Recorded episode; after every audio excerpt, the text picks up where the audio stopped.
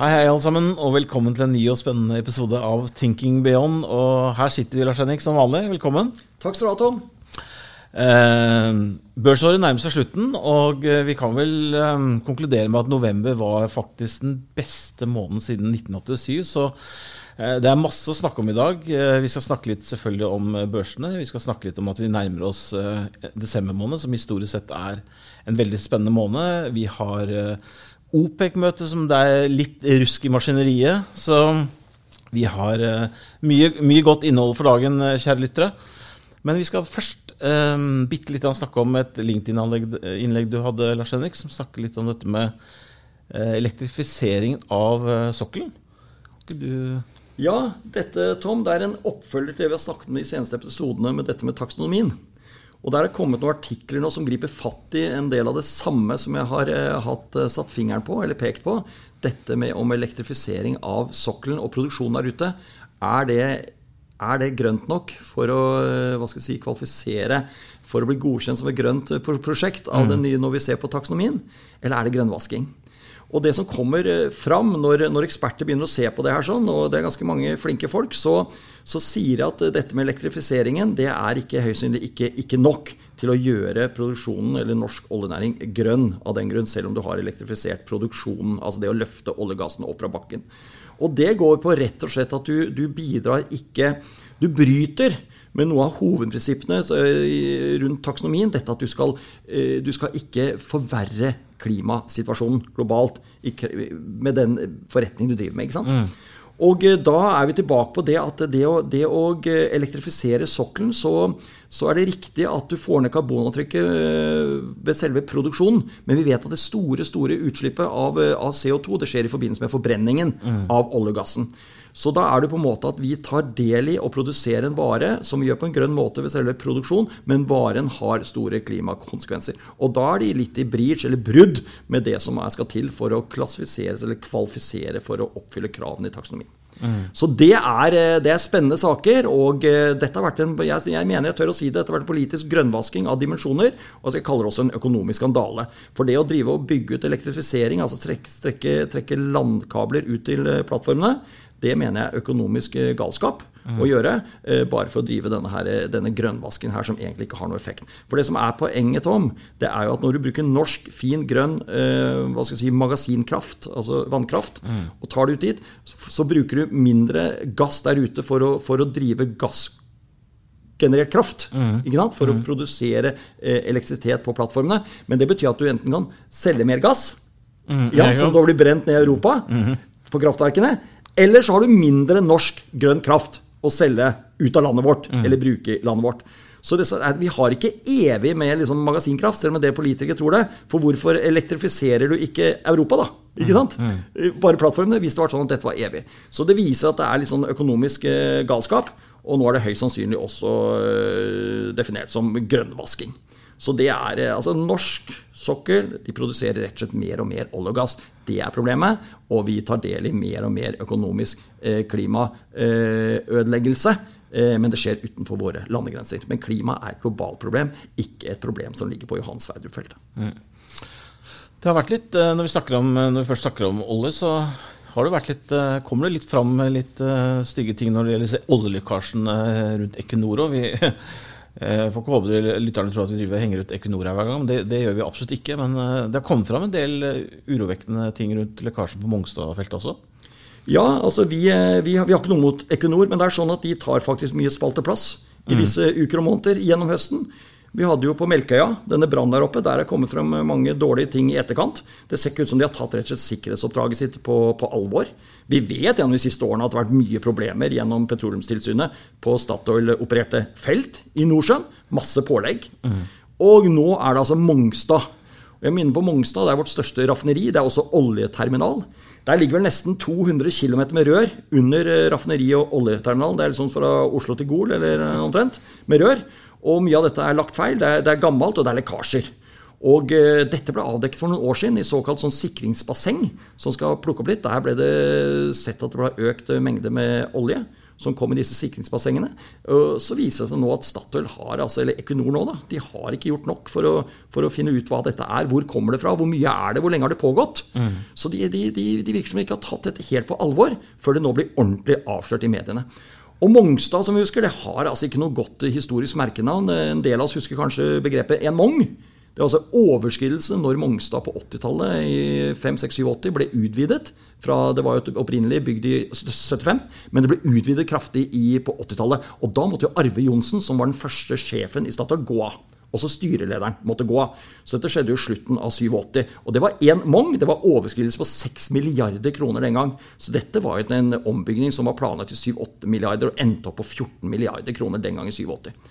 Men dette var bare starten på masse overskridelser som har skjedd i norsk olje- og gassnæring. Så dette var ikke det verste. Vi hadde mange verre eksempler i etterkant enn det. Og Statoil-sjefer, en del har overlevd det. Men, eh, men, dette var en stygg sak. Så dette må vi finne ut av. Dette her er ordentlig ille. Og vi snakker om ordentlig mye olje som, er, som er, har rent ut. Man vet ikke helt hvor det kommer fra, og hvor mye det egentlig er. Så Irene Rummelhoff, Statoil-direktøren som har ansvar for dette området nå, hun har mye å, mye, mye å tenke over nå. Dette er alvorlig. Bra. Uh, vi skal hoppe litt videre. Vi skal snakke litt om, uh, om det jeg snakket innledningsvis, om børsene. Ja. Uh, november har vært fantastisk, nesten unikt. Jeg, jeg, leste i hvert fall om at det har vært kun fem måneder siden 1987 som har vært så sterke. Men november isolert sett har vært den beste måneden siden 1987. Så ja, Tom, du snakker da, om, da snakker du om verdensindeksen. Mm, og det er USA, ja. Mm. Riktig. Og hvis vi kan ta det over til, til Norge for å snakke om det først, så har det også vært den beste novembermåned i historien.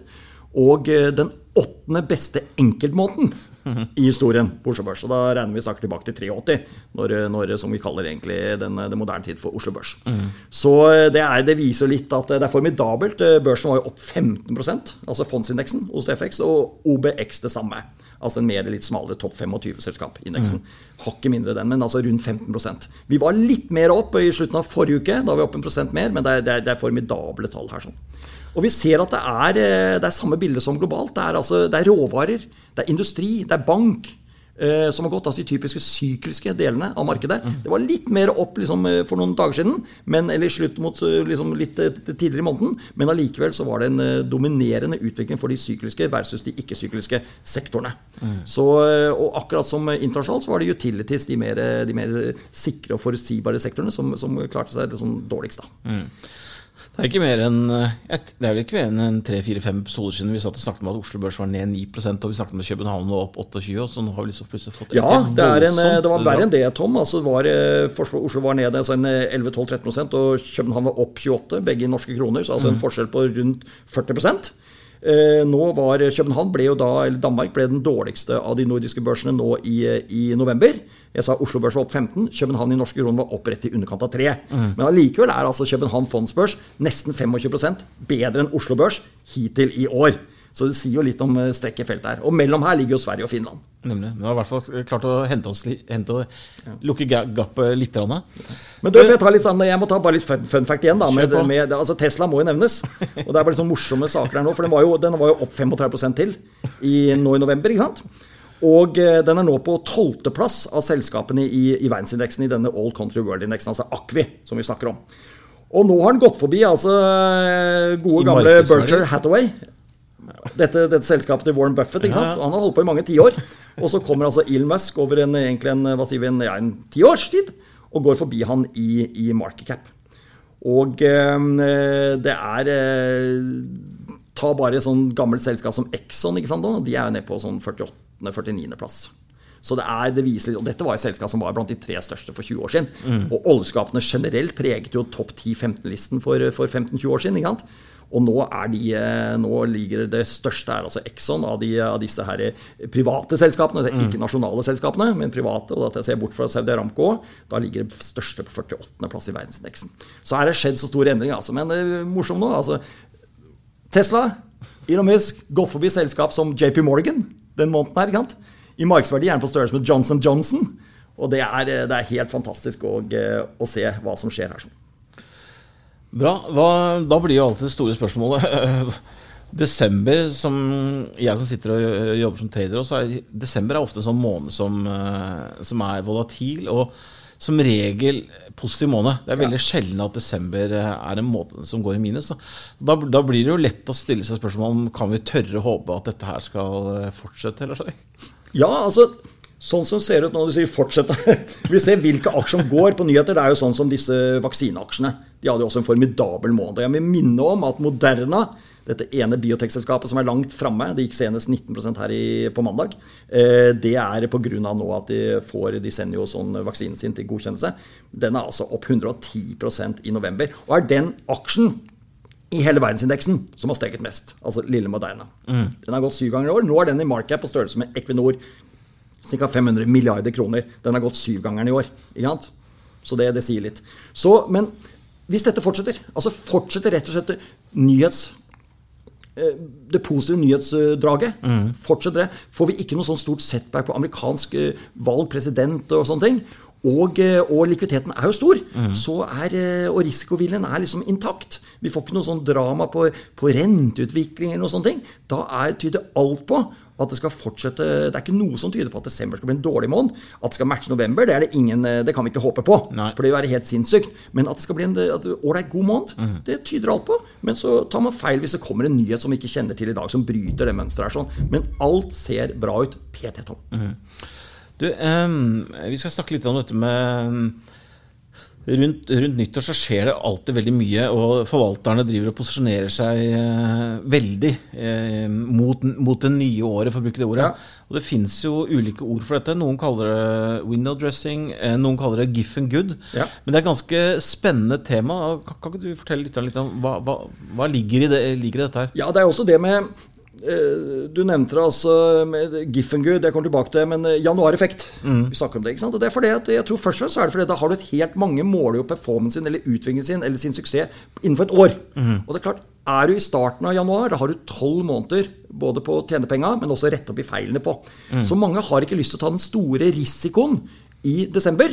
Eh, og går ikke på med veldig mange nye case. Nei. Det ser jo også på emisjonsmarkedet. Når du kommer litt ut i desember, så stopper litt opp. Folk lukker bøkene, som vi sa før i tiden. Mm. Så man ser mye mer frisk på markedet og det nye året når du kommer i januar. Så januareffekten er rett og slett at det strømmer penger inn i, i cases. Mm. Og eh, hvis vi ser på desember, så er det mer at en del selger ut av aksjer som har gått dårlig og kjøpe mer i de aksjene som har gått bra. Mm. Det kan også være fordi man har lyst til å fremstå i sin årsrapport med å ha mer av de aksjene som har gått bra, mm. og mindre av de som har gått dårlig. Man har ikke så lyst til å bli assosiert f.eks. med Norwegian når året nå er ferdig. Da har du lyst til å selge det ut. Mm. Mm. Så det skjer veldig mange ting, og det er ofte i romjula så skjer det mye rebalanseringer i mm. porteføljen, og ofte veldig høye volumer i markedet i romjula. Mm. Eh, men først og fremst er det at januar starter med liksom en frisk pågangsmot og liksom medvind føler man. Mm. Så ofte er de første dagene av januar, helt fram til 15. januar, eh, midten der, eh, ofte, ofte bra.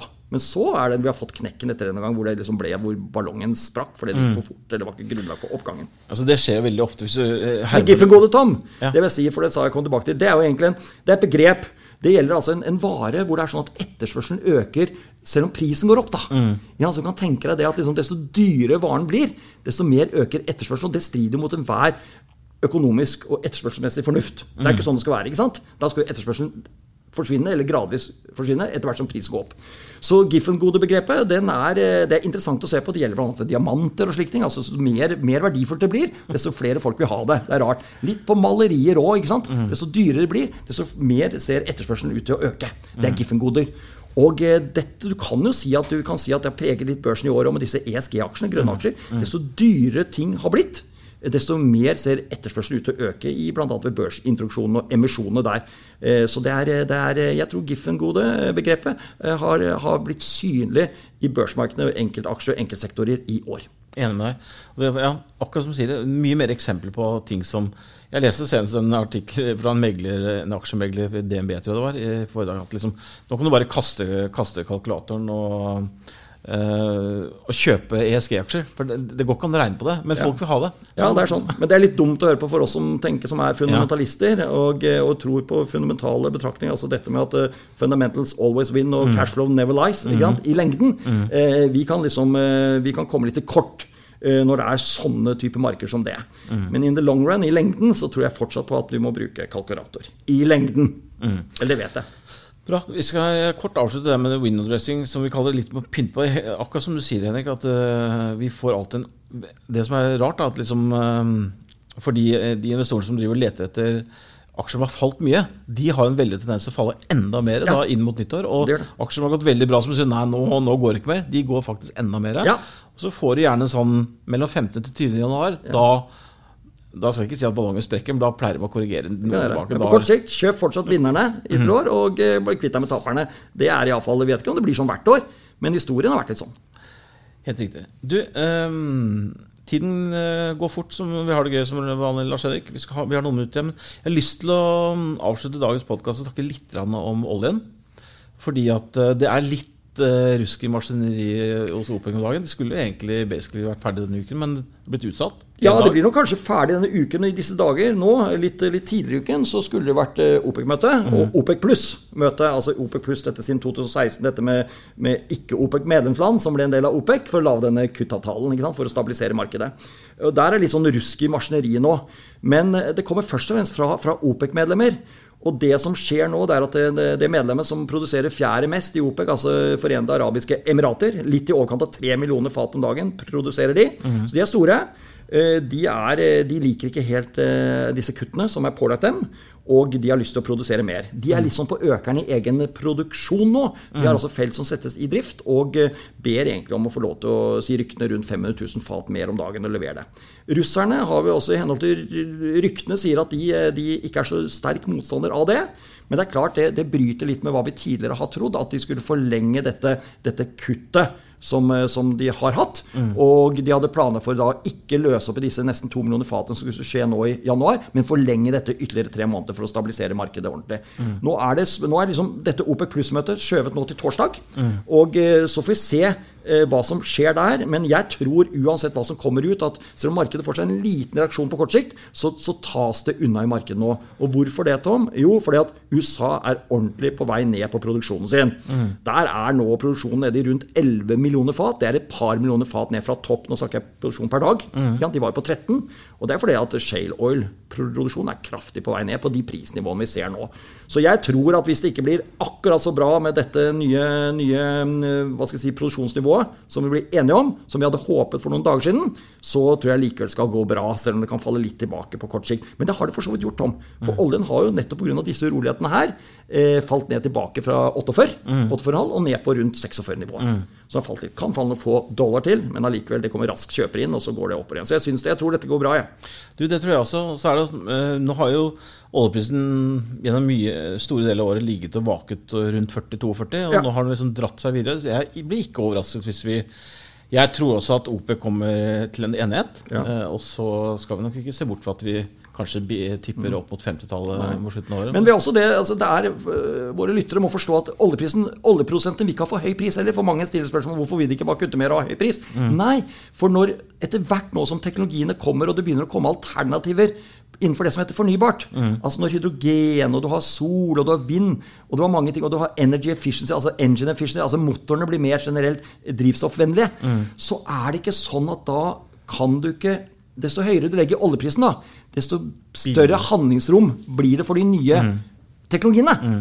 Ikke sant? Så kanskje det er lurt, og det tenker nok oljeprodusenten nå, å holde oljeprisen så lavt som mulig, men at de allikevel tjener ålreit penger, mm. for det vil forlenge oljealderen lengst mulig for dem. Nemlig. Som har mye olje i bakken som de gjerne vil ha ut ikke sant, over de mm. neste ti årene. Så dette, dette, er et spill. Så ingen ønsker oljeprisen på 80-100 dollar nå av produsentene.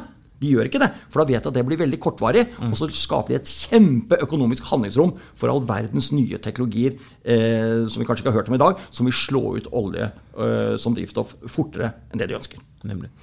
Du, kjære lyttere, da må vi avslutte for, avslutte for i dag. Um, takk for nå, Lars Henrik. Vi har jo neste uke så får vi vite litt mer om hvordan ja, Da vet vi hvordan alt dette gikk, Tom. Ja, og kanskje vi vet litt mer rundt vaksinering om dagen også. Det skjer mye. Ja. Snakkes om Spania. Leste sist senest i går at uh, de skal begynne allerede i desember. snakker de om, Så Hæ? dette er positivt. Så um, Begynne i desember? Vi er i desember, Tom. Ja, vi er i desember, så slutten av desember snakker vi om. Ja. Så bra. Da sier jeg um, takk for i dag. Ja. I like måte, Tom. Snakkes om en uke.